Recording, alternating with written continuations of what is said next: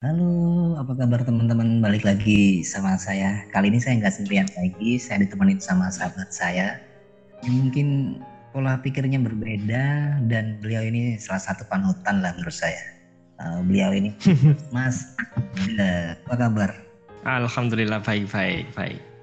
Sedikit dingin, sedikit dingin, sedikit sedikit dingin, gemeter dengar suaramu yang sudah lama tak ketemu. iya, ngomong-ngomong kita udah lama gak ketemu emang. Betul betul betul. Oh iya mas, sibuk apa sekarang? Setelah nikah nih kayaknya anda ini menyibukkan diri banget sepertinya. Kesibukan itu uh, mungkin sedikit lebih beragam ya dibanding okay. sebelum nikah. Pasca nikah itu kesibukannya lebih banyak karena memang satu kehadiran seseorang yang baru. Siap. Kedua kehadiran kehadiran sebuah ruang yang baru. Jadi kesibukannya mulai dari uh, pekerjaan yang baru, tidak ikut perusahaan lagi, membuat sebuah awal usaha yang saya rasa juga cukup menantang karena tidak pernah semenjak lulus sekolah memulai usaha tidak pernah. Jadi malah pasca nikah. Mungkin juga kesibukannya dari situ. Organisasi hmm. tinggal lebih ke pekerjaan dulu lah atau ke rumah tangga. Seperti ya, okay. itu kalau dengar cerita Mas Angga ini saya ngerasa gini deh. Dalam arti semakin kita dewasa ini semakin idealis dalam arti kita harus jelas nih tujuannya apa hidup nih. Kan kayak gitu Mas ya? Hmm. Dalam arti bukan mengabaikan misal nih mengabaikan teman tongkrongan. Enggak karena emang kita ngerasa sudah punya kesibukan masing-masing ya kan? Nah Mas Angga ini salah satu orang yang senang membaca buku sewaktu itu. Nggak tahu setelah menikah ini kayak gimana nih Mas? Masih suka baca buku enggak? Buku sudah atau sempat saya buka. Hmm. tapi lihat halamannya tok Jadi kalimat-kalimatnya uh, sedikit paling satu paragraf, dua paragraf. Atau mungkin bahkan yang dibaca cuma bab-babnya aja atau judul dari cover buku. Ya. Karena memang uh, satu media yang saya pakai belajar itu sudah ganti. Betul. Maksudnya ini, ya, ini, uh, ini, ini ada pertanyaan nanti soal ini saya. Hmm, hmm, hmm. Nah, terus? Nah, itu ada media baru itu YouTube. YouTube uh, seperti ngaji filsafat, kemudian ada humor sufi. Oke. Okay. Hmm, macam-macam lah. Jadi buku sedikit terabaikan karena memang waktunya antara pasca nikah dan sebelum nikah itu lebih banyak waktu luang sebelum nikah. Saya nganggur lah istilahnya seperti itu. Hmm. Oke okay, mas, ngomong-ngomong soal YouTube, kebetulan saya sempat baca tulisan Mas Angga di Facebook dan itu novel di beranda saya. Saya baca sampai tuntas. Menarik. Tentang tentang itu tadi kan yang dibilang. uh, kuliah YouTube. Betul. Memang uh, secara secara logika banyak mengalami sih dalam nilai nilai-nilai kehidupan. Ya mungkin kayak kita ngerasa miskin moral ya enggak sih gitu loh mas kehilangan hmm. hal kita ini berarti jadi tergantikan sama sebuah teknologi kalau dibilang miskin moral itu uh, sangat kaya sih semakin ah. banyak ya itu semakin kaya moral maksudnya okay. semakin kaya moral itu moralnya lebih beragam moralnya ah. lebih uh, apa ya gaya-gaya bentuk moral baru kemudian ha? jadi kalau dibilang miskin itu enggak miskin malah lebih banyak gaya-gaya moral baru yang semakin Tapi, muncul mengganggu ha? dan itu juga hmm, apa ya seperti ada arus-arus baru yang saling bertabrakan dari moral-moral etis dulu dan moral etis yang sekarang. Itu okay. sih. Hmm. Tadi lebih kaya, moralnya lebih kaya malah. Oke. Okay. Setelah saya baca tulisan Mas Angga ini di salah satu akun sosial media, lalu saya membandingkan dan uh, langsung cari tahu nih ya balik lagi sih emang teknologi yang saya gunakan dalam arti tapi mungkin lebih apa ya saya ngerasa relate saja dalam arti gini saya tadi mencari di, di salah satu ya platform lah dan di sana tertulis bahwasannya uh, uh, bukan tertulis menampilkan dan menayangkan dunia tanpa sebuah kebohongan. Jadi dunia itu penuh dengan kejujuran bertolak belakang ya kan dengan mungkin kehidupan sekarang. Nah, setelah saya pelajari di dalam di dalam uh, alur cerita tersebut menarik. Itu tulisan Tapi, sebentar itu tulisan sing mana? Lupa aku. Yang barusan atau sing kemarin-kemarin? Iya, yang yang yang barusan yang barusan tadi. Oh. Tadi saya melihat itu pokoknya sekitar tiga menit setelah upload saya baca terus ada komentar beberapa teman Mas Angga di sana. Bukan berapa sih satu orang kalau nggak salah. nah, itu saya pelajarin dan saya kaitkan dengan dunia uh, tanpa sebab bohongan dan kejujuran. Nah, yang saya gini Mas Angga, di dalam sebuah tayangan itu tadi penuh dengan sebuah satir kalau menurut saya. Uh, kalau seandainya kita pakai uh, pemikiran sungguh-sungguh pendek, kita bakal kesesat, tersesat. Nah, hal yang saya dapatkan di sana, dunia dengan kejujuran itu malah menampakkan hal-hal yang menakutkan loh mas. Dalam arti gini misal, saya mengatakan begini sama Mas Angga. Mas Angga nanya sama saya, misal saya ini musuh Mas Angga, Mas Angga nanya, kamu suka nggak sama saya? Di dunia kejujuran itu tadi, dia mengatakan dengan jujur kan, jadi nggak bisa bohong kan. Aku nggak hmm. suka sama, jadi belak belakan. Nah, jadi kan kayak apa ya?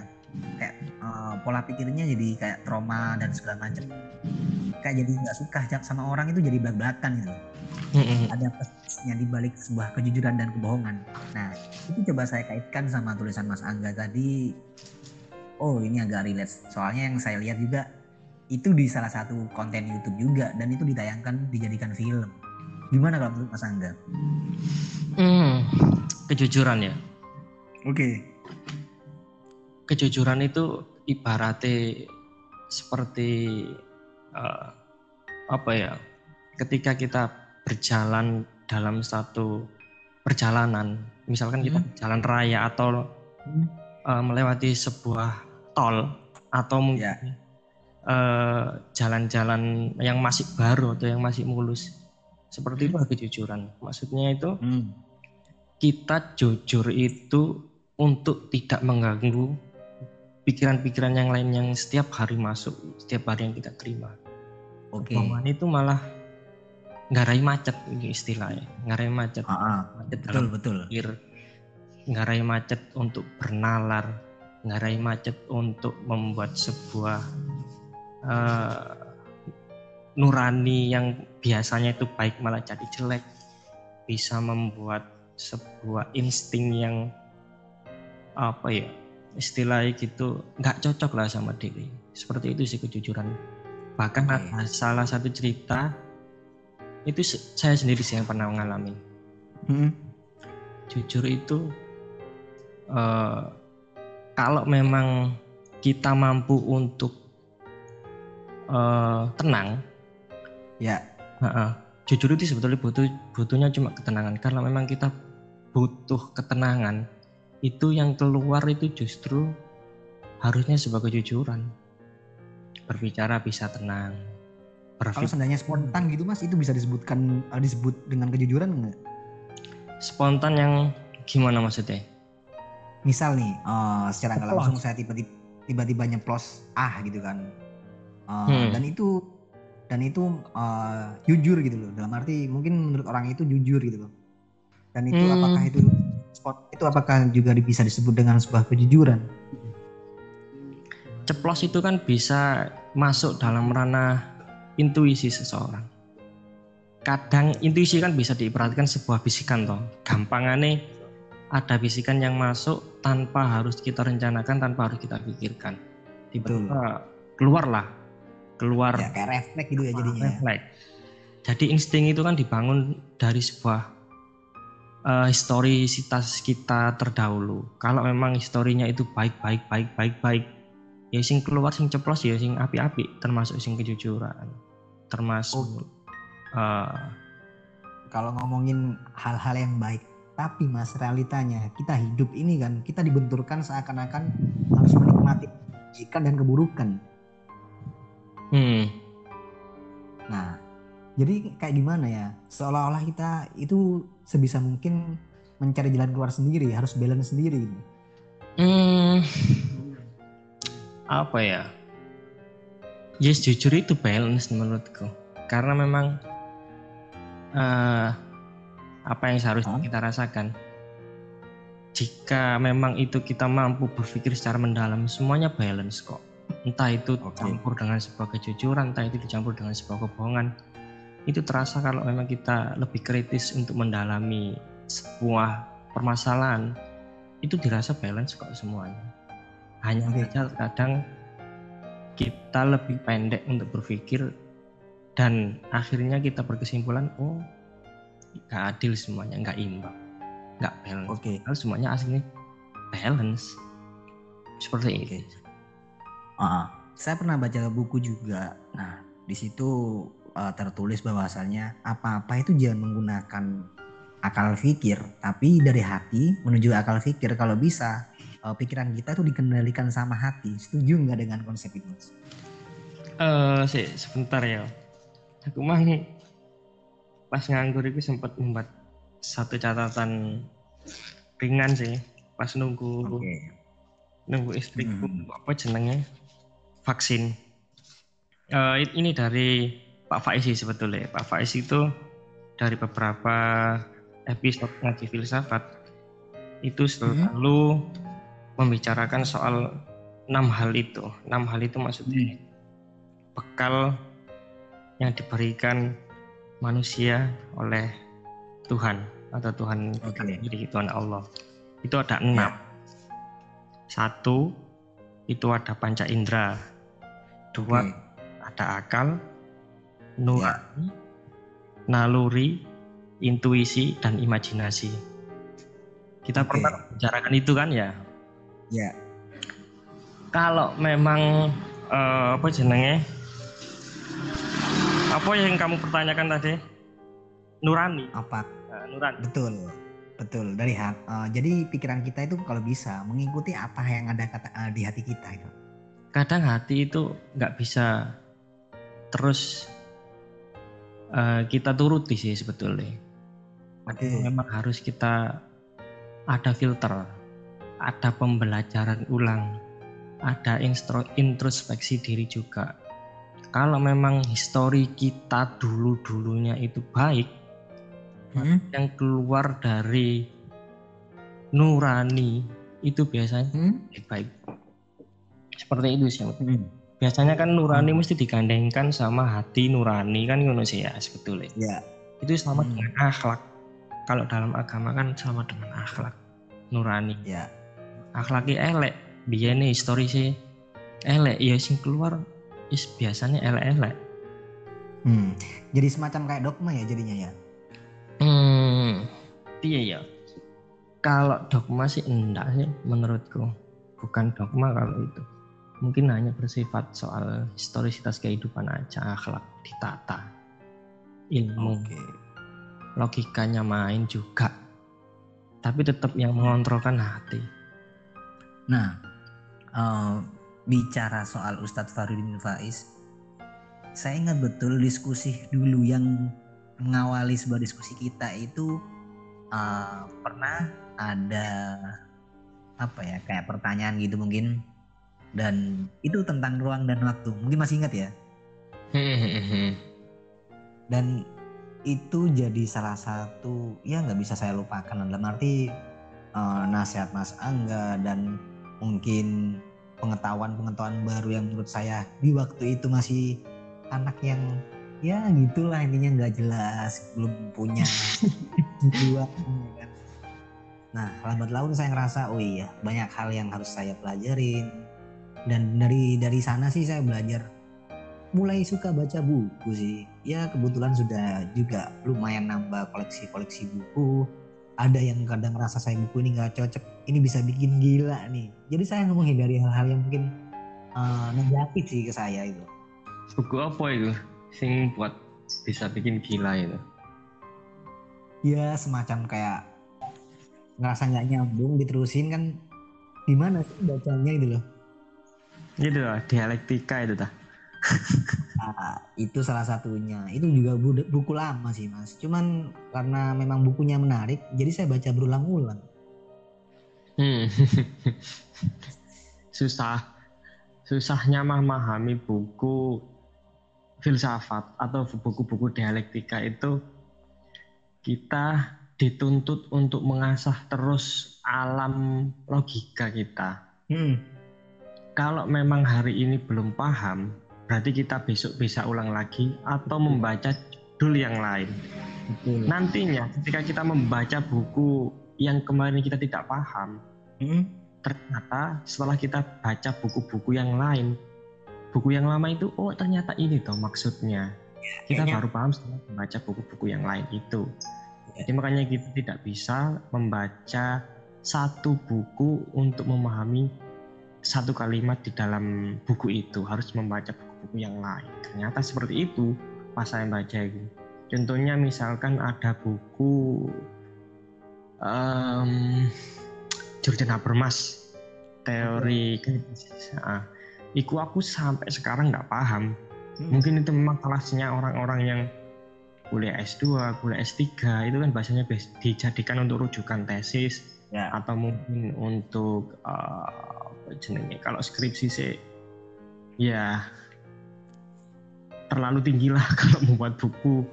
Kutipan-kutipan dari Jurgen Habermas mungkin uh, seperti tesis atau mungkin disertasi itu baru cocok. Tinggi okay. sekali bahasanya.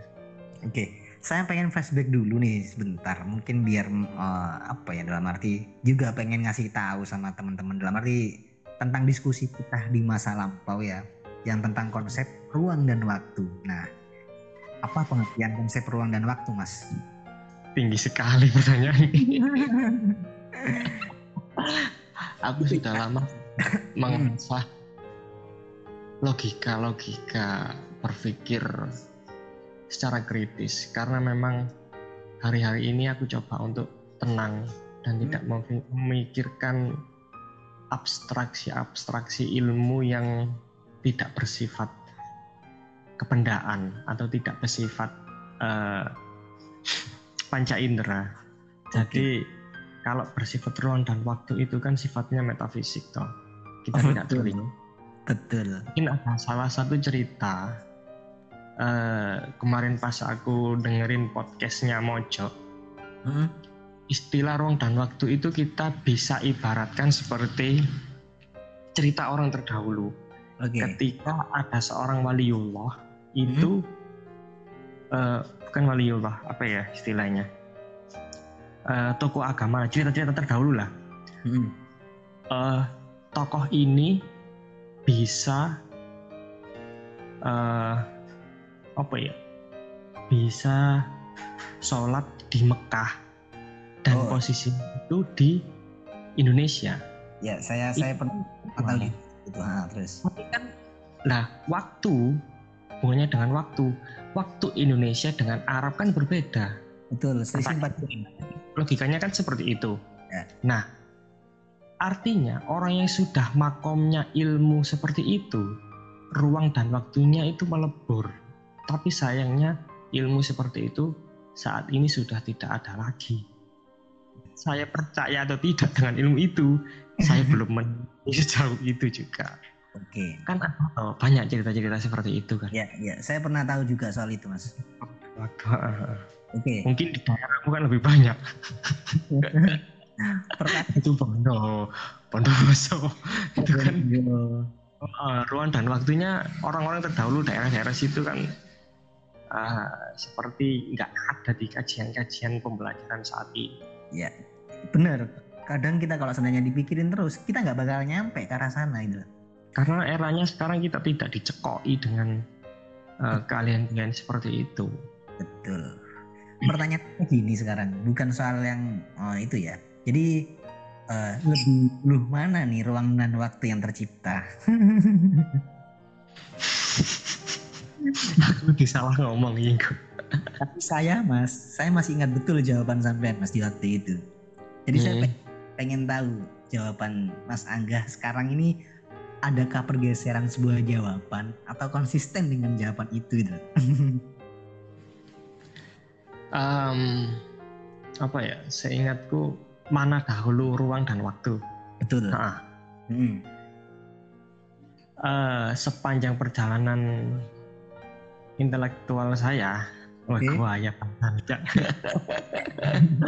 yang mengalami kemandekan ini, uh. mungkin beberapa deskripsi entah itu berubah dari yang dulu atau sama dengan yang sekarang mungkin uh saya bisa ini antara ruang dan waktu itu mungkin saya bisa mengutip dari ngaji saya nggak nggak masuk nggak ngaji karena hujan mungkin di ngaji juga lagi libur tadi saya kasih tahu jawaban Mas Angga di masa lampau itu ya. Jadi ini ini mungkin pelajaran baru buat saya sih. Dalam arti uh, mungkin sedikit berbeda tapi maknanya sama. Di waktu itu Mas Angga itu simpel ngasih ngasih penjelasan sama saya. Hmm. uh, kita nggak ada ruang tapi ada waktu. Apakah kita bisa bergerak? Itu yang hmm. pertama. Yang hmm. Kita eh, nggak uh, ada ruang eh sorry Eh, nggak uh, ada waktu tapi ada ruang apakah kita masih bisa bergerak? Bisa ya kan? Jadi kayak gitu sih contoh dulu. Mm -hmm. jadi uh, ya kalau sekarang sih mungkin jawabannya lebih lebih uh, relate dan menurut saya masuk akal sih. Karena jujur setelah saya dikasih tahu dengan mungkin analogi yang seperti tadi yang di waktu masa lampau itu jujur saya mikir mas. Dalam arti bener nggak sih? Bener nggak sih? Dan itu selama ini sampai beberapa uh, tahun kemudian saya tetap pikir itu. Apakah bener sih konsep ruang dan waktu? Sedangkan hmm. sedangkan saya kan juga pengen tahu dari versi orang lain yang menurut saya uh, bener atau mungkin rujukan lah ya. Saya lebih lebih nggak puas karena ya mungkin hampir 70% 80% menjawabnya adalah waktu yang tercipta lebih dulu gitu. Tapi enggak ketika dimintain contoh konkret, nah itu yang nggak nggak bisa dijelasin. Intinya mereka kayak menerka-nerka malahan saya uh, mikirnya. nah itu yang yang pertanyaan yang pertama mas. Yang kedua di waktu itu Mas Angga ini masih masih uh, eh, ABG lah ya katakanlah hmm. pernah ngomong gini sama saya dan ini jadi inspirasi tulisan saya juga di waktu itu di tulisan di novel saya Mas Angga pernah bilang gini e, apakah kita ini bisa merindukan seseorang namun kita nggak pernah tahu orang itu siapa masih ingat nggak? Uh, lupa lupa ingat terlalu banyak obrolan pagi obrolan pagi yang terlalu yeah. belambiar terlalu banyak yang diobrolin. Konsepnya apa juga kita dulu nggak tahu. Artinya yeah. ini juga apa nggak tahu. Jadi ya semacam arogansi. Intelektual atau nah, semacam bukan uh, bukan idealis lagi ya arogansi. Nah, iya arogansi ya dulu itu cuma sifat arogansi saja karena jam malam ya jam-jam arogan yang keluar sifat-sifat arogan semua. Ayo lanjut lagi. Iya. Betul, mas. Tapi jujur ya, sewaktu saya setelah diskusi beberapa kali sama Mas Angga, ada sih jiwa-jiwa di mana saya menunjukkan arogansi saya tentang pengetahuan yang sungguh pendek di waktu itu. Tapi kan arogansi tidak kita artikan sebagai hal yang apa ya? Tidak kita uh, uh, tidak kita artikan pada sesuatu yang negatif tidak kita artikan pada uh, nafsu yang berlebihan tapi sifat untuk uh, percaya diri percaya diri. Menurutku arogansi percaya diri dan uh, memegang teguh pendirian atau ilmu yang kita dapat itu ya itu entah salah bener ya pokoknya itu itu makanya sih Ya. Jadi saya misal saya jawaban saya A, ya udah terima nggak terima Anda dengan jawaban Anda, saya dengan jawaban saya. Aku selalu gitu sih mas. Jadi ya mungkin kayak apa ya idealis mungkin ya juga bisa dikatakan demikian.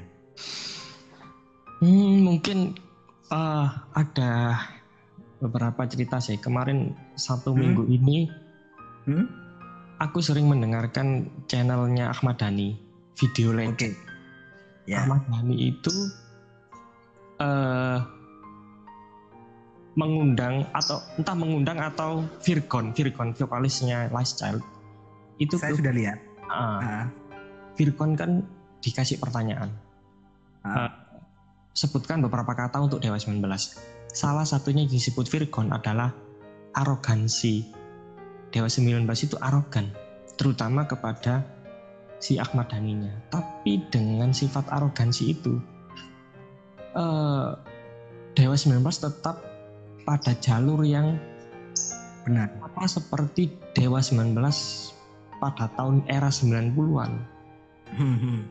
Dia tidak terpengaruh dengan aliran Melayu yang saat kita usia SMA kan dikuat ya. musik Melayu seperti ST12, Ungu dan lain-lain. Tapi dengan sifat arogansinya, Dewa 19 tetap mempertahankan alirannya dia walaupun pada saat itu Dewa nggak seberapa terlihat toh yang dilihat di ST12 dan lain-lain. Tapi sekarang dengan arogansinya Bapak Ahmad Dhani, hmm? Mas tetap berkibar, berkibar mungkin uh, kalau menurut lebih tinggi dari band-band Melayu yang saat itu uh, memegang semua kendali aliran musik di Indonesia. Ya, ini sama halnya kayak Salon Seven mas ya? Uh, betul, betul. Uh, Salon Seven.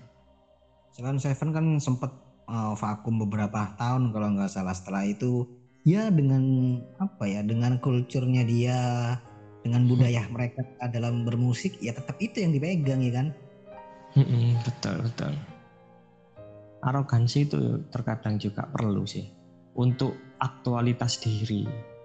Katakan uh, kita punya sesuatu atau kita punya pemikiran-pemikiran kalau tidak didasari sedikit arogansi itu bakal diterjang atau tergerus oleh uh, pemahaman-pemahaman dan arus informasi yang tambah deras sih jelas kalau nggak punya sifat arogansi ya, sedikit aja. benar. jadi mudah terpengaruh jadinya kan kalau sebenarnya kita nggak punya prinsip itu juga. Nah mas ngomongin soal di masa sekarang. Sekarang kan ini sudah beralih ke dunia digital semua ya kan mau nggak mau kan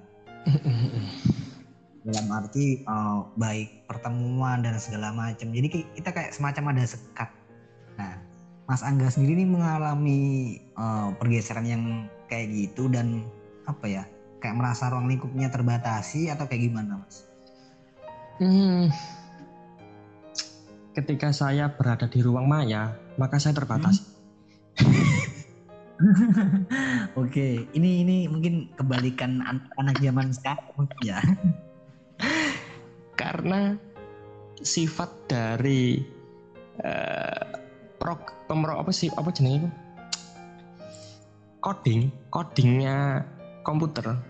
Ah, hmm. bisa bisa kita lihat di Instagram lah. Ya, kayak semacam algoritma. Kita lihat, iya itu itu tok yang muncul logika yeah. program pemrogramannya Instagram, YouTube, apa yang kita lihat setiap hari itu ya munculnya itu itu tok. Berarti yeah. kan semakin hmm. ditutup oleh ruang maya pemahaman kita. Yes itu itu tok. Makanya orang sekarang gampang ngamuk, gampang uh, tidak percaya diri, gampang hmm. menyalahkan orang lain karena memang sudah ditutup oleh logika pemrogramannya dunia maya itu. Hmm, hmm. Seperti oh, iya. ngamuan lah kira-kira. Iya. ah, setuju nggak dengan uh, dalam arti apa ya kayak pergeseran-pergeseran yang terjadi ini mengurangi ruang lingkup kita setuju nggak? Hmm, setuju sih, setuju. Orang tidak percaya diri sekarang tidak seberapa berani atau tidak setangguh orang-orang dahulu membangun sebuah peradaban. Nah. Memang sih uh, kalau bisa dikatakan uh, pas melihat apa ya film itu loh apa jenenge? Sultan Agung. Pernah lihat tuh film Sultan Agung? Sampai tuntas. Konstantinopel tuh ya? Bukan. Konstantinopel. Sultan Agung itu dari Jawa. Oh oh ya sorry sorry. Ya ya sorry sorry. Iya. oke. Okay. karya pernah, Gunung Bramantio Sultan uh, sedikit cerita sih film itu Sultan Agung itu menjadi raja ketika umurnya masih muda. Kalau nggak salah di bawah 20 tahun. Dia sudah dititahkan oleh uh, dititahkan oleh siapa itu? Sunan Kalijogo. Sunan hmm. Kalijogo itu pernah menulis di dalam seratnya entah itu serat, serat serat apa saya lupa. Tapi dia memprediksi bakal ono pemimpin sing wani untuk memerangi sebuah kejahatan atau sebuah yeah. kerakusan. Yang dimaksud kejahatan dan kerakusan itu datangnya sosok VOC artinya sekat-sekat orang dahulu itu kecil dibanding sekat-sekat orang sekarang. Hmm, betul. Dulu uh, orang bisa belajar uh, ke ulama. Itu tidak berdasarkan teori tapi langsung praktek. Misalnya gini. Intuisi jadinya ya. Bukan. Misalnya gini kayak uh, Pak Kiai eh seorang murid tanya kepada Pak Kiai Pak Kiai bagaimana saya itu biar bisa uh, mencintai istriku kembali. Ini ceritanya insya Allah di Imam Syafi'i insya Allah. Tanya seorang, bagaimana caranya biar saya bisa mencintai istriku kembali? Hmm. Oh gampang, jangan lihat perempuan lain selain istrimu selama 40 hari. Itu kan langsung. Dia hmm. mencoba dalam 40 hari tidak melihat perempuan-perempuan lain, tidak terlalu banyak teori dan lain-lain. Tapi hmm. pengalaman itu bisa dia dapatkan sendiri dengan beberapa ucapan saja. Hmm. Itu sebuah Bukan imajinasinya bermain dia, imajinasi bermain. Kemudian eh, apa namanya? kontrol tubuh juga bermain dan lain-lain. Ilmunya lebih banyak di sana.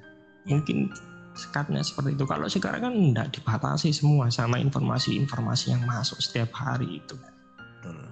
Informasi menurutku sama zaman sekarang itu malah membatasi kita Betul. untuk langsung tahu hmm. nyatanya memahami diri sendiri dan memahami uh, kejadian nyata di luar seperti itu sih.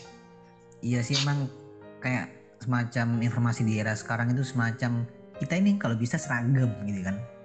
Hmm, hmm, hmm. Kalau kita kan oh, setiap orang kan punya nilai keunikannya masing-masing. Hmm, hmm. Kayak Sunan Kalijaga itu kan seperti eh Sunan Kalijaga, Sultan Agung itu loh.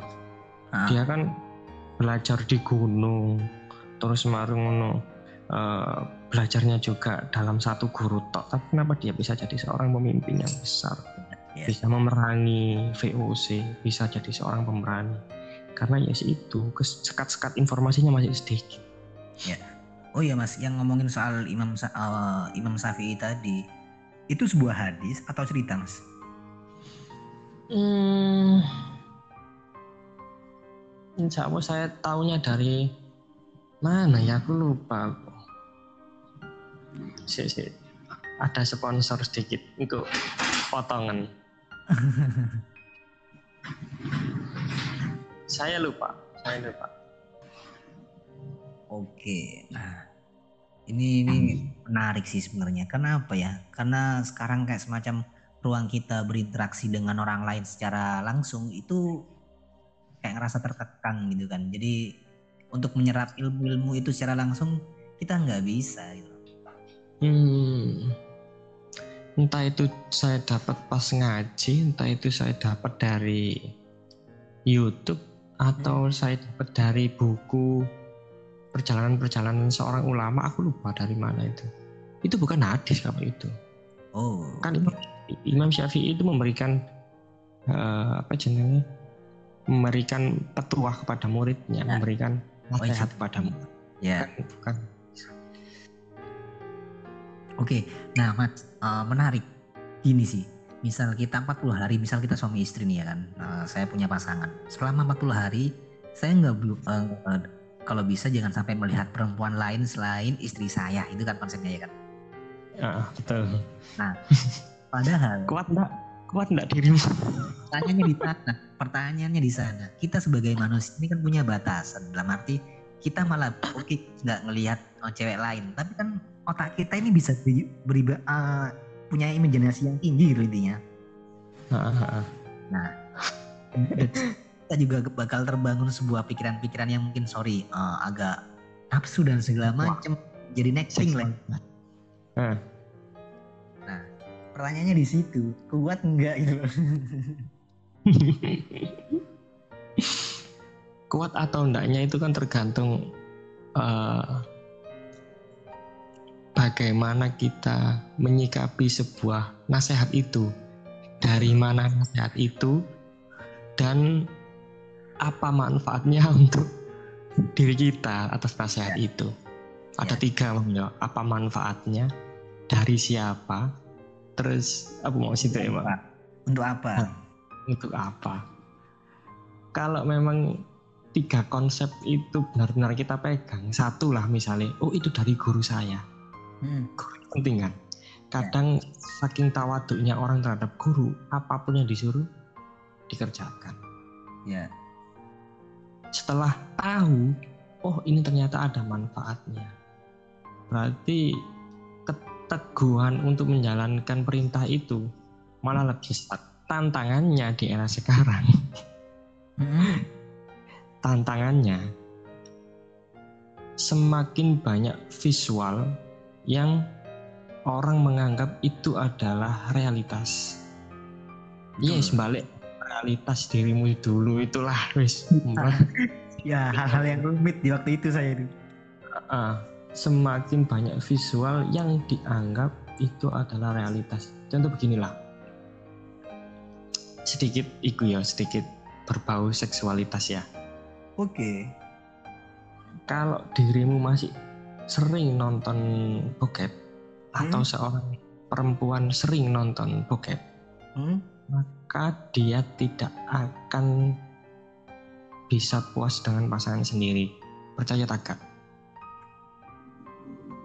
Saya nggak bisa percaya atau tidak, karena saya juga belum nikah mas Angga. Pasti nyebut ini ya. karena apa? Hah? kan hyperrealitas yang kamu pelajari dulu oke okay. itu kan hanya sebuah uh, imajinatif ya kan betul betul iya betul dan itu hanya sebuah halusinasi katakan yeah. film itu uh, mohon maaf ya katakan film itu di dalam satu adegan uh, punya punya senjata yang besar. Mm-hmm. Sebetulnya itu hanya uh, manipulatif saja. Sebetulnya itu hanya manipulatif saja. Padahal kalau kamu bisa membaca, itu orang itu sudah apa ya istilahnya, sudah punya uh, kepuasan-kepuasan sendiri tanpa harus membesarkan yang itu hmm. gitu ya. Ada hmm. kepuasan-kepuasan sendiri toh. Berhubung kita sering nonton video porno hmm? itu yang terjadi uh, apa jenisnya itu? Konstruksi. Uh, konstruksi kita terbangun dari situ jadi Padahal, secara kita uh, jadi um, memrepresentasikan ke hal-hal yang kayak gitu juga kan mas ya? Betul. Padahal nyatanya orang-orang pembuat video-video itu kan juga uh, satu mereka tersakiti secara psikologis dan biologisnya. Padahal kita juga nggak tahu. Kenyataannya okay. kan seperti itu. Oke okay, saya potong bentar ya. Ah, saya potong bentar. Uh, hmm. hal yang tadi mungkin sorry membahas yang kayak seksual dan porno mungkin itu saya hilangkan karena kita ini pakai platformnya orang bukan diskusi secara langsung ya kan? Jadi nanti kalau uh, mau lanjut bahasan ini mungkin video kayak gitulah intinya ya kan? Oh, dirimu kan tanya. Tapi gak apa-apa gak apa-apa menarik. Kan uh, secara langsung kita diskusi uh, anggap aja anggap aja secara langsung lah. Hmm. meskipun ada beberapa poin yang mungkin harus terpaksa saya hilangkan.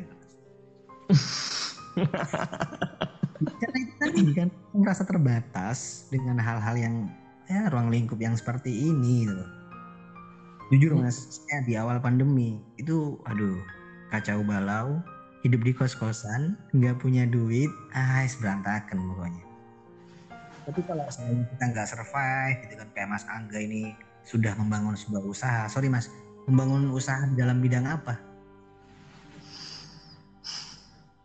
Keropok.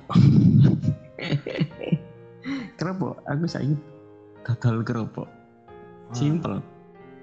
Kalau orang tanya, sama apa mas? Goreng keropok. Semua okay. orang paham. Semua orang paham. Orang tani, orang uh, orang apa jenenge kontraktor, presiden, hmm. semua itu tak orang apa usahamu goreng kerupuk oh, simpel iya. sekali ya karena saya saya tahu betul Mas Angga ini ya anti gengsi gengsi klub lah misal ini ya hal ini dilakukan mungkin sorry dilakukan sama teman-teman yang lain. Saya saya rasa mereka nggak bakal mengakui deh. Dalam hmm. arti dalam arti gini usaha apa? Saya bergerak di bidang kuliner. Wih kan keren kan gitu kan kesannya kan. Ah, jadi realitas kan mas? Perumpamaan. Jadi, ya jadi secara langsung banyak hal sih saya yang yang saya pelajari tentang apa ya? Tentang menjadi sebuah jadi orang yang apa adanya itu dari Mas Angga. Yang mungkin pergeserannya kerasa ya mungkin zaman SMA SMP yang mungkin Mas Angga ini penampilannya boys di waktu itu di antara teman-teman yang lain. Dan setelah itu beralih ke sarungan ya kan? Iku soalnya udah gak ada celana bro tapi gini mas. Uh, ini agak sensitif sebenarnya. Saya nanya karena mas Angga sorry. Saya kan uh, masih jomblo ya kan? Serang langsung masih sendirilah belum menikah. Nah masa pacaran itu kan kadang kita ngerasa bosen. Terus intinya ya hal-hal yang negatif ya buat hubungan. Nah, Mas Angga ini tipikal orang yang setelah menikah ini seperti apa? Hmm, setelah saya menikah, sempat saya masa enggak mas? Uh, enggak sih, karena mungkin saya memegang konsep setelah nikah itu rezeki lebih lancar. Hmm. Artinya rezeki itu bisa berupa ucapanmu itu tadi hmm. ucapan bosan itu tadi mungkin kebosanan-kebosanan itu hilang sebelum saya menikah justru pas sebelum nikah aku lebih banyak bosan sekarang enggak semakin banyak muncul uh, tantangan-tantangan baru semakin banyak muncul cerita-cerita dari diriku atau dari teman-teman yang cerita ke aku hmm. kemudian muncul juga uh, apa ya nilai-nilai yang dulu tidak pernah aku dapatkan lah sebelum menikah. Nantinya malah malah tidak bosan, malah lebih asik loh. Karena gini, katanya Pak Faiz lagi ya. Orang yang sudah menikah, dia bakal banyak yang difikirkan. Tapi orang yang belum menikah yang difikirkan cuma satu kapan menikah Duh mas, sorry nih saya potong. Itu itu mungkin nasihat masuk masuk juga ya kan. Tapi ada uh, beberapa orang yang saya temuin. Kenapa saya nanya, kenapa kok belum menikah? Kan udah punya pasangan dalam arti sorry tunangan gitu kan. Uh. karena masih banyak hal yang saya pikirkan, terutama keluarga. Ininya banyak lah yang dipikirkan gitu loh. Hmm. Gimana kalau seandainya dikaitkan sama uh, nasihat yang tadi, Mas? Setuju nggak? Tetap sama sih. tetap sama sih. Sebetulnya kan uh, kalau memang dia berbicara masih banyak tanggungan di keluarga itu kan sebetulnya masalah ya. Betul. Pertanyaan itu? Ya, anu keluarga aku masih butuh rehab rumah butuh yeah. uh, apa ibuku sakit dan lain-lain ketika kita memutuskan untuk menikah mungkin hal-hal yang dulunya kita pikirkan sangat berat itu bakal muncul sebuah keberkahan-keberkahan baru ketika kita masuk dalam ruang pernikahan. Hmm. Hal misalnya ya. Ini buat pelajaran buat orang-orang yang uh, menunda-menunda nikah nih kayaknya nih masuk akal. Terus mas. Misal uh, ketika ibu kita sakit, ya. kemudian kita menikah, mungkin bisa saja karena kehadiran sosok perempuan yang kamu pilih Hah? itu menjadi oh kerinduan dia terhadap masa lalunya mungkin loh ya mungkin hmm. bisa jadi obat buat ibumu dari masa lalunya yang uh, kepingin punya anak perempuan atau betul betul ya. kepingin disayang oleh sosok perempuan mungkin itu akan bisa jadi obat buat ibu nanti wis tak nikah ya biar nanti ibuku ada yang merawat mungkin ada yang sayang sama ibuku nilai-nilai seperti itu kan tidak bisa ditanamkan oleh sosok laki-laki ya yeah. misal okay. mau buat rumah aku sih anak tanggung dandani omah ini pas menikah bisa saja nanti si perempuan ini bisa support kamu semakin bekerja lebih keras lagi hmm. untuk membangun sebuah rumah ini. Nek awakmu ijen kalau saya nyurung malah gak benar. Kalau yang berpikir dua orang, ya kan? Kalau yang berpikir dua orang itu kan lebih mudah. Benar, setuju itu, saya. Itu dok sih. Kalau yang berpikir dua orang antara kamu dan istrimu itu mungkin nanti bisa lebih mudah. Ada ya. sebuah uh, keberkahan keberkahan baru yang mungkin itu juga perlu kita renungkan setelah. Ya. Dan itu pasti ini ada hubungannya sama saya sih mas. Saya ini orang yang tipikal boros, tapi hmm. ketika saya tujuan dalam arti misal nih kayak yang tempo hari uh, intinya kayak mau nikah lah kan tunangan di waktu itu. Jadi saya kayak hemat. Kenapa? Saya punya, punya tujuan jelas gitu. Aku harus hemat nih, harus hemat. Dan itu bisa. Dan hmm. ketika itu sudah selesai saya balik lagi sama habit yang mungkin ya boros lagi mas ya soalnya dipikir sendiri kalau mungkin kehadiran cewek mungkin pikirannya ada dua jadi kamu harus bagi itu soalnya kan ya. otaknya ada dua yang bersatu bro ya betul betul itu Oke Mas Angga ini nggak kerasa kita diskusi ini dari tadi hampir sejam nih, sejam kurang lima menit yang yang sama yang tadi. Uh -huh. Mungkin next time uh, kita bisa diskusi bareng lagi sama Mas Angga di pertemuan podcast berikutnya. Ya uh, semoga mungkin uh, bisa bisa ditata konsepnya aja biar nanti ya, betul. Asik. Ya nggak ini kan kayak dadakan itu mas. Kita kan senengnya dadakan mas. Iya betul betul Makan ngalur ngidul. Aku ya yeah. sedikit bingung jawab. Oke. Oke mas Angga semoga eh satu lagi nih. Jujur di waktu itu uh, mendengar Mas Angga mau tunangan saya seneng ya kan setelah hmm. itu Mas Angga melangsungkan pernikahan saya orang yang paling merasa kehilangan Waduh. Lu di sampai kehilangan duit 10 juta.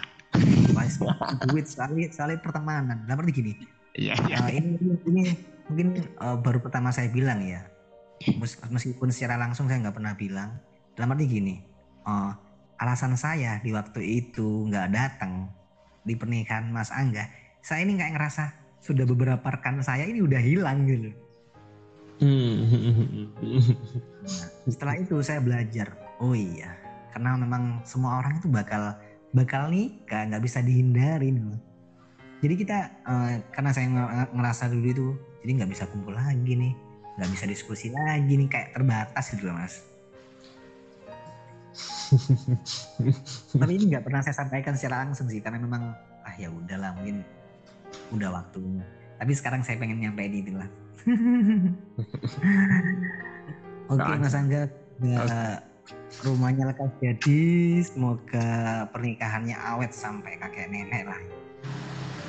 Amin amin. Dan semoga rezekinya lancar setelah menikah ini. Amin. Dan semoga segera dapat ponakan. Pasti lancar lah. Pasti lancar. Amin. Yakin kok. Terima kasih banyak Mas Angga atas diskusinya, pelajaran berharga buat saya dan teman-teman pendengar. Ya, semoga ada kesempatan lagi buat diskusi bareng dengan konsep yang berbeda.